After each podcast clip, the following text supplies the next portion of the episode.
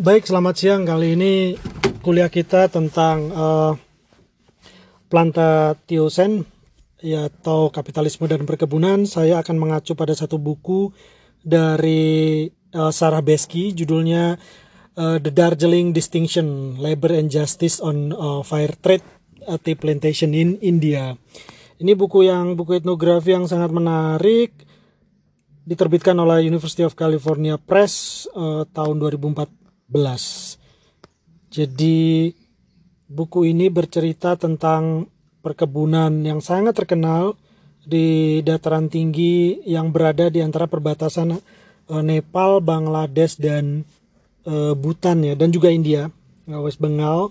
Jadi sempat jadi daerah perebutan dan daerah pemberontakan.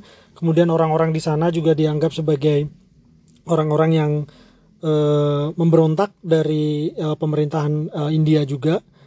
Di sini kita bisa melihat bahwa uh, perkebunan itu seperti yang saya katakan adalah uh, munculnya diawali dari uh, perbudakan slavery misalkan uh, perbudakan uh, kapas yang itu terjadi di uh, daerah uh, Carolina, daerah Amerika bagian Tenggara dan lain sebagainya. Kemudian uh, dan juga kita lihat uh, perkebunan cengkeh perkebunan pala yang ada di Maluku dan lain sebagainya. Jadi dia diawali dari munculnya violence yang sangat uh, uh, yang terjadi uh, sebelum pada akhirnya perkebunan itu ada. Gitu. Jadi ini sejarah perkebunan kalau kita lihat uh, uh, Sydney Mins uh, antropolog yang menulis tentang uh, sugar atau gula juga mengatakan bahwa eh, perkebunan itu memberi inspirasi polanya dalam perekrutan kerja dalam pendisiplinan labor atau pekerja.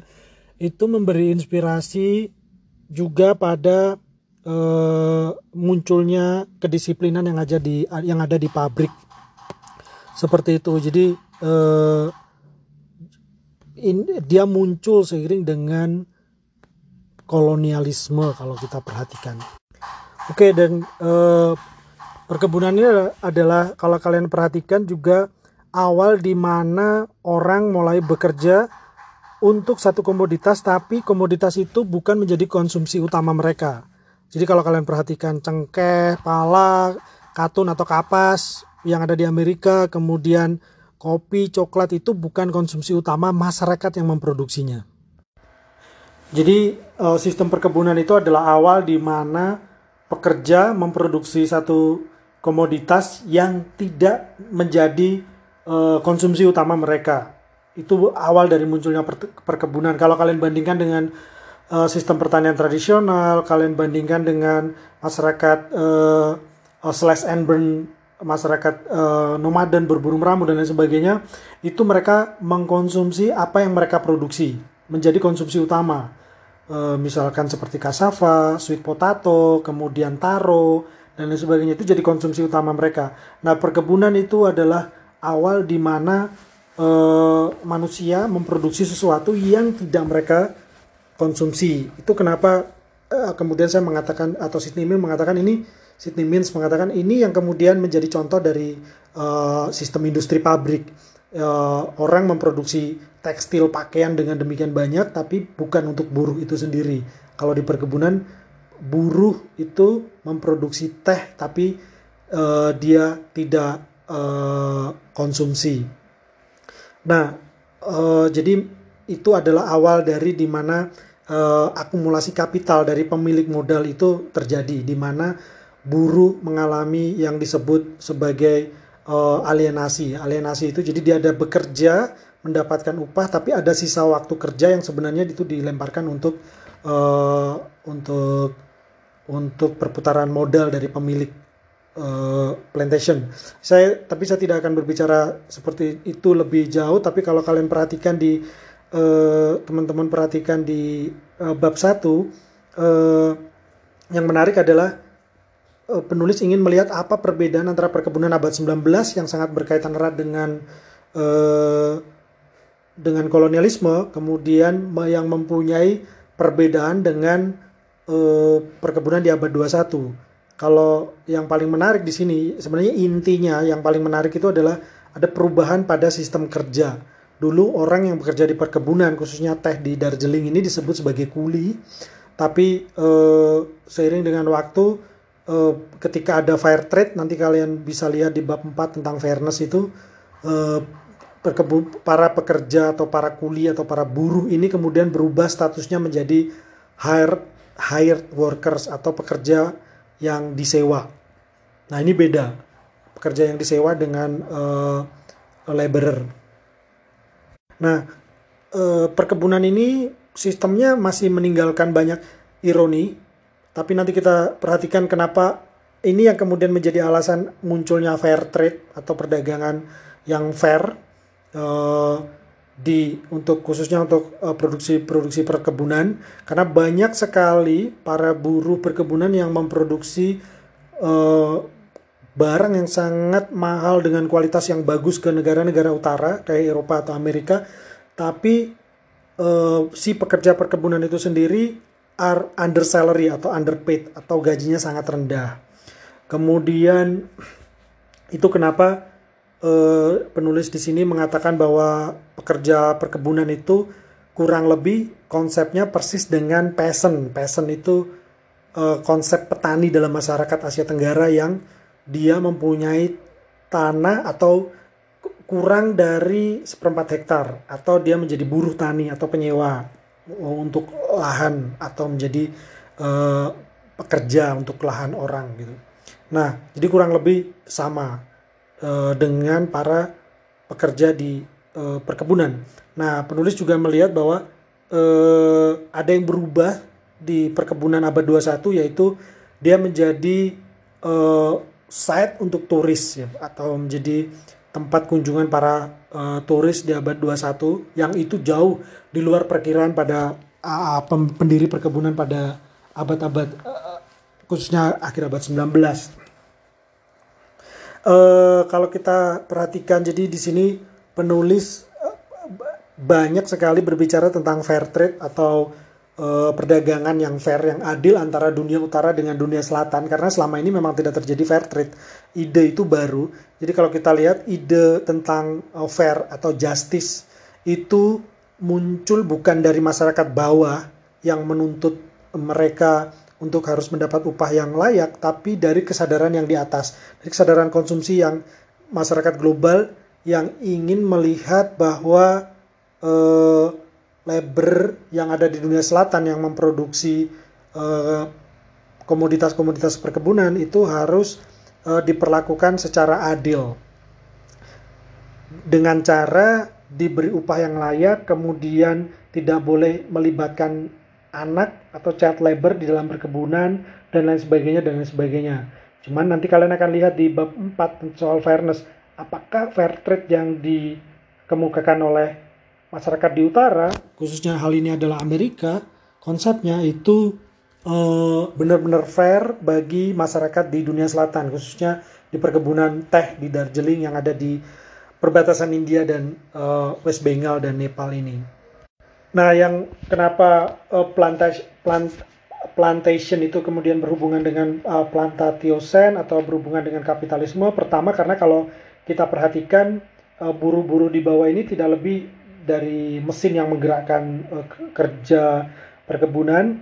Anda perhatikan yang awal yang ingin dilakukan oleh fair trade, ide tentang fair trade itu misalkan uh, sangat di endorse oleh misalkan contohnya Starbucks atau Nestle, Nestle itu sangat tertarik dengan fair trade ini karena dengan demikian dia bisa meletakkan uh, sertifikasi kepada petani uh, sehingga uh, produk seperti Starbucks atau Nestle misalkan itu punya deal yang besar terhadap industrial big industrial ventures.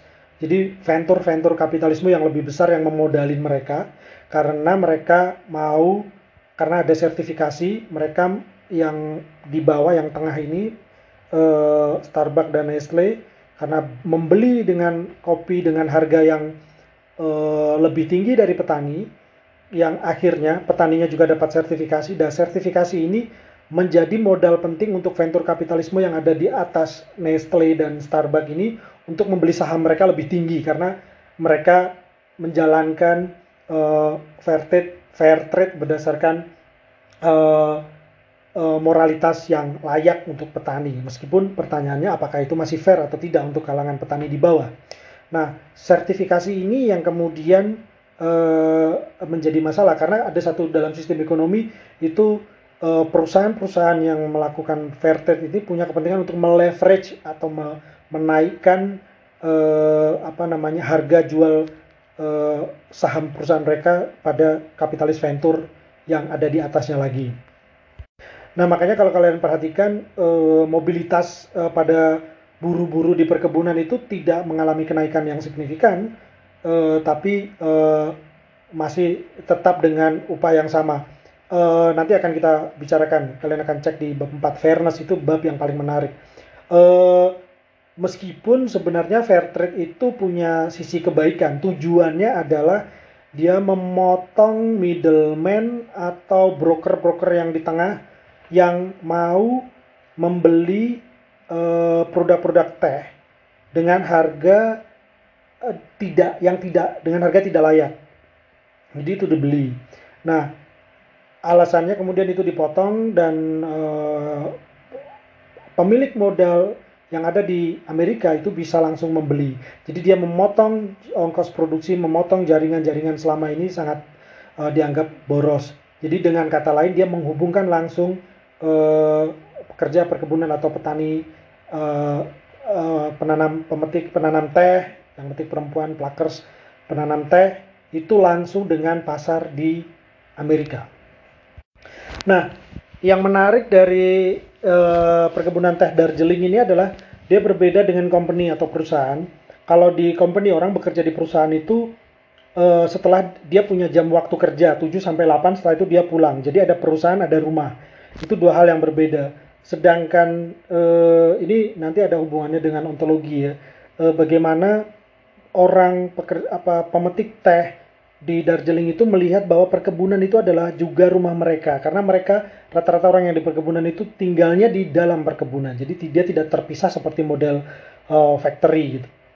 Nah, uh, ketika Inggris sudah mulai angkat kaki dari uh, perkebunan teh Darjeeling ini pekerja-pekerja yang ada di perkebunan itu turun temurun. Jadi dia berbeda dengan uh, yang ada di sistem factory di mana ketika Anda pensiun atau Anda meninggal, Anda tidak bisa mewariskan uh, anak Anda untuk misalkan bekerja di pabrik yang sama atau apa. Nah, sedangkan di perkebunan itu tidak seperti itu. Jadi uh, dia menjadi pekerja buruh di perkebunan pemetik teh itu sangat entangle atau terikat dengan landscape yang ada di sana, terikat dengan perkebunan yang ada di sana, uh, dan kemudian terjalin uh, kawin mawin antara uh, pekerja dengan pekerja yang lain dan juga ikatan dengan uh, uh, supervisor yang ada di perkebunan dan juga yang saya maksud dengan multi spesiesnya adalah bagaimana pekerja ini punya relasi yang sangat kuat dengan tanah dan teh itu sendiri. Jadi yang menarik teh uh, di Darjeeling ini sebenarnya adalah eksperimentasi dari uh, tea basis ya atau kayak rumputan atau yang diambil dari Cina kemudian ditanam di Darjeeling dan kemudian uh, tanahnya cocok dan sesuai kemudian um, dia um, pada akhirnya di akhir abad abad 19 menjadi menjadi perkebunan yang yang yang bagus.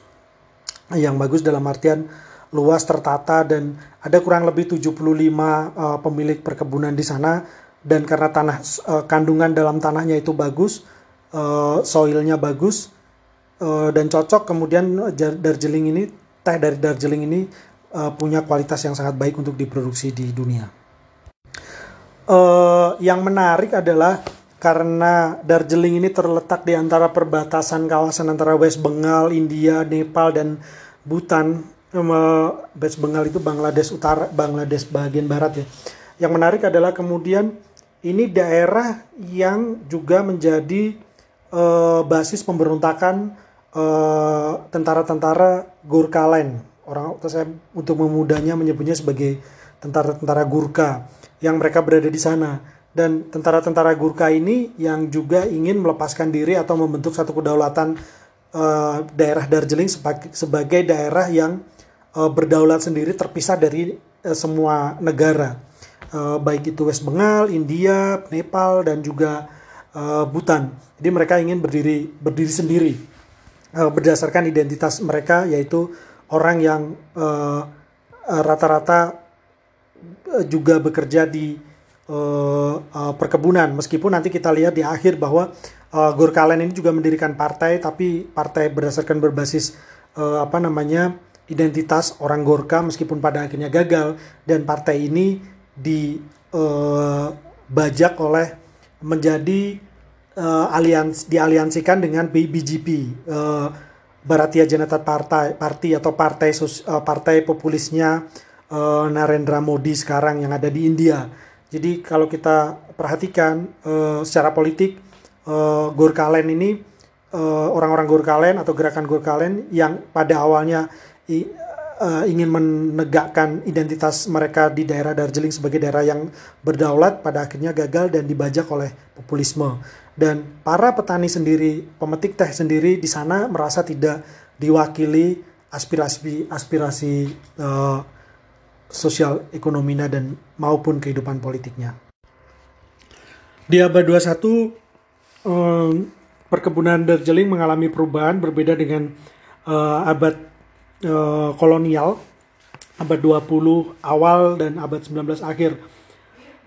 Abad 21 ini perkebunan dianggap sebagai lahan uh, lahan bisnis yang yang di mana diterapkan uh, uh, fair trade kemudian negara-negara bagian utara bisa melihat bahwa uh, mereka bisa menjual uh, para pekerja pemetik teh itu bisa menjual um, teh dengan harga yang tinggi kemudian ini dianggap sebagai lahan bisnis yang sebelumnya itu tidak dibayangkan karena perkebunan sekarang kurang lebih mengalami uh, swastanisasi karena sebelumnya dipegang oleh uh, British Colonial The Association, asosiasi perkebunan teh Inggris yang kurang lebih negara yang memegang, kemudian ini mengalami swastanisasi.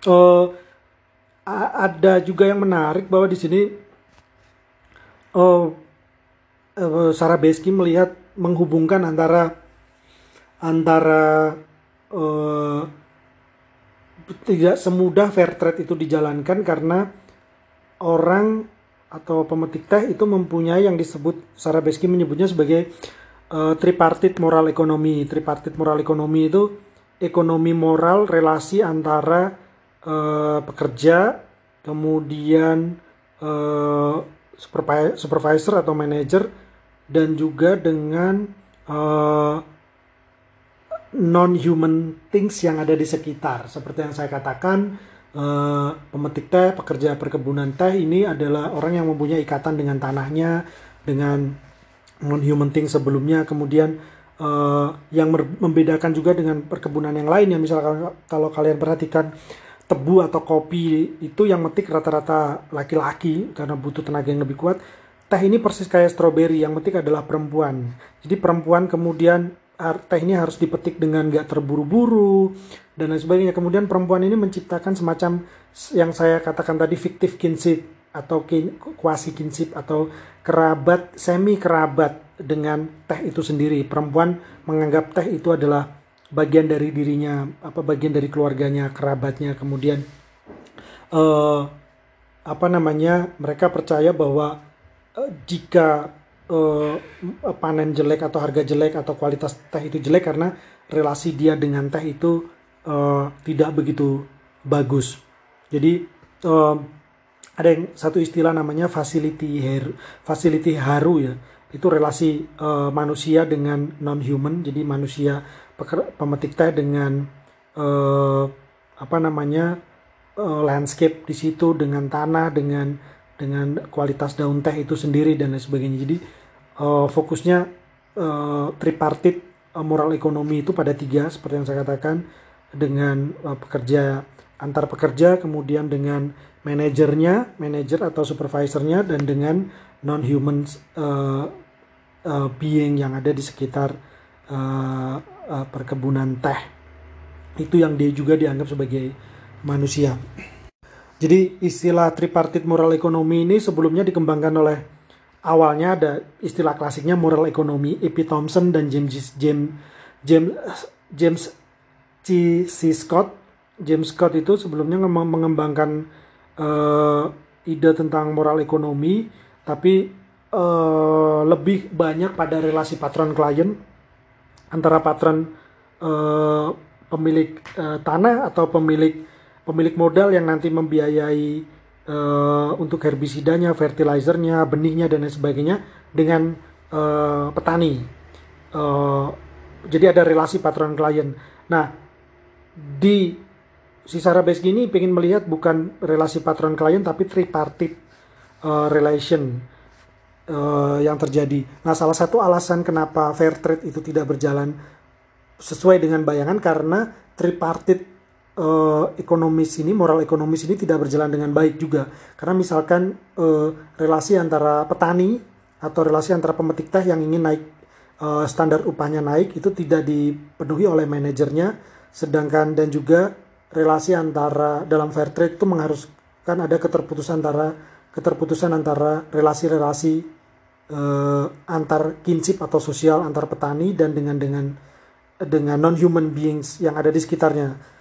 Jadi harus berkompetisi antar petani menjadi bisnismen sendiri-sendiri yang itu tidak ada dalam sistem uh, plantation sebelumnya. Jadi murni bisnis.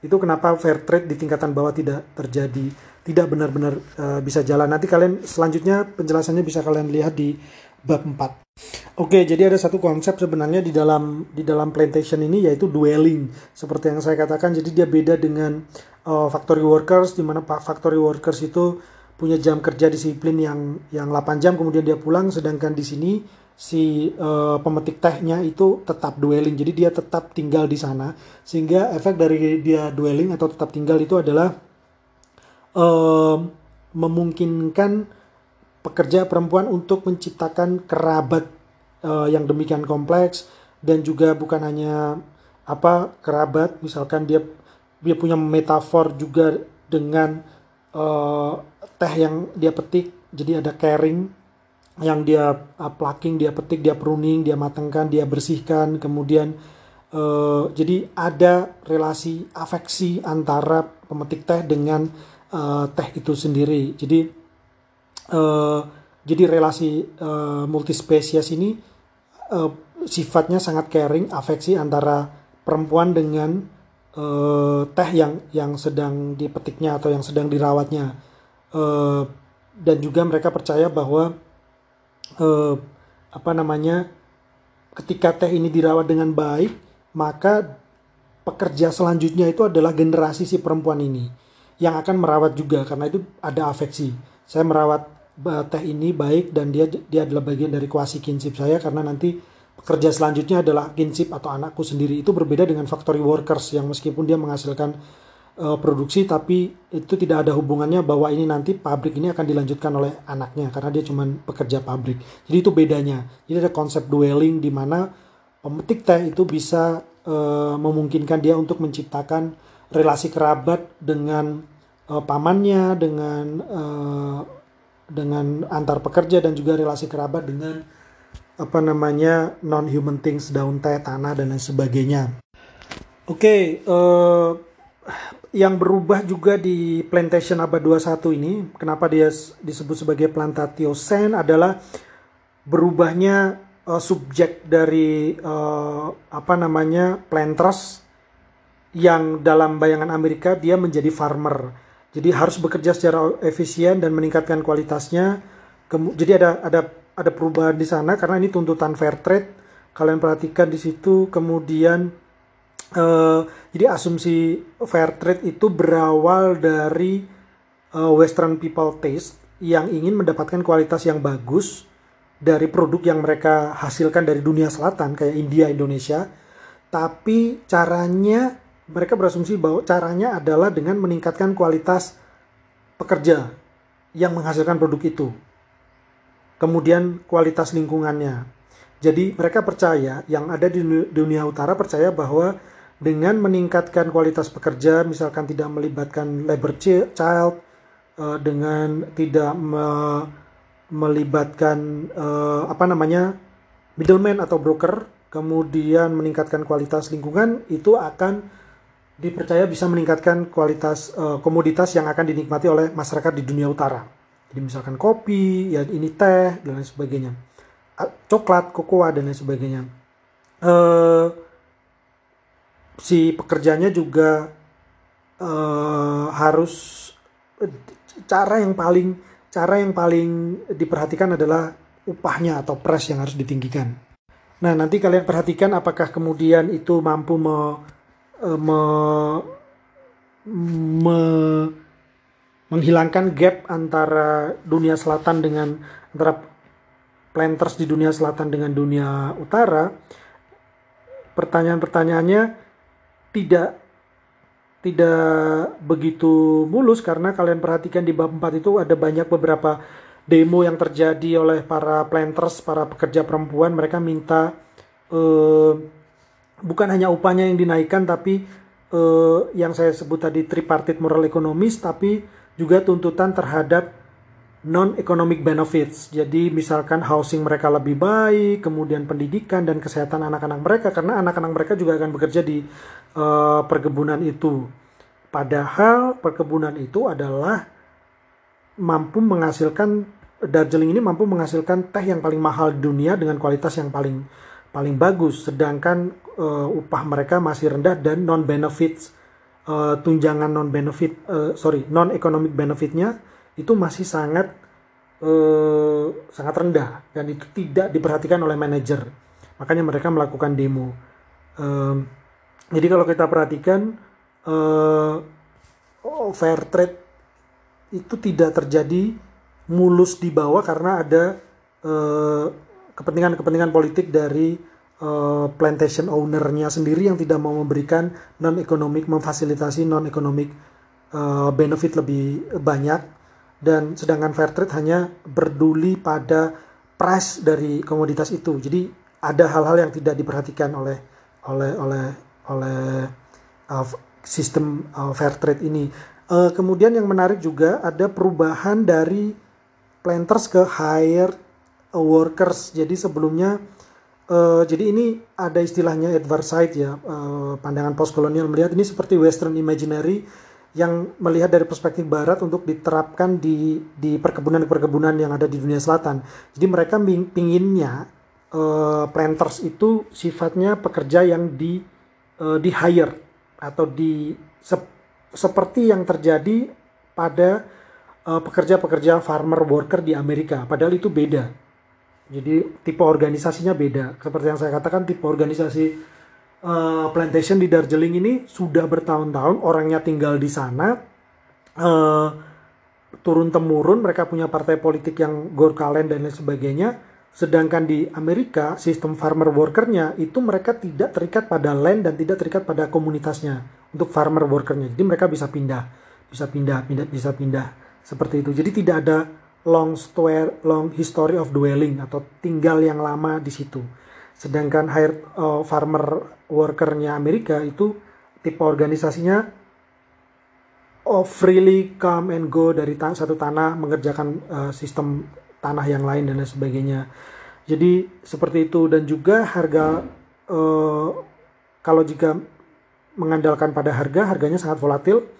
Eh, bisa minimum price setup yang di setup minimum price yang diberlakukan oleh Amerika itu eh, standarisasinya eh, sangat volatil eh, karena pekerja sendiri nggak ingin eh, bekerja berdasarkan eh, volatilitas atau naik turunnya harga komoditas itu tapi mereka ingin harga tetap set apa namanya fixed up price atau harga yang telah ditetapkan. Jadi ada ada ada relasi yang berbeda soal soal soal harga yang dibayangkan atau sistem kerja sistem organisasi kerja yang dibayangkan antara Amerika dan yang di dunia uh, selatan.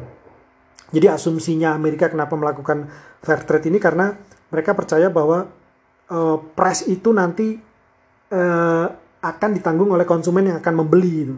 Jadi yang akan membeli di sana kalau konsumen demandnya tinggi, ada jadi uh, demand-nya tinggi maka supply-nya otomatis harganya akan tinggi. Nah, ini sangat volatil karena misalkan contohnya seperti sekarang misalkan ada Covid dan lain sebagainya, harganya akan turun. Jadi ketika harga turun otomatis planters T-nya juga akan anjlok. Makanya dia tidak mau yang volatil, yang diinginkan adalah harga yang sudah ditetapkan oleh sistem. Seperti itu.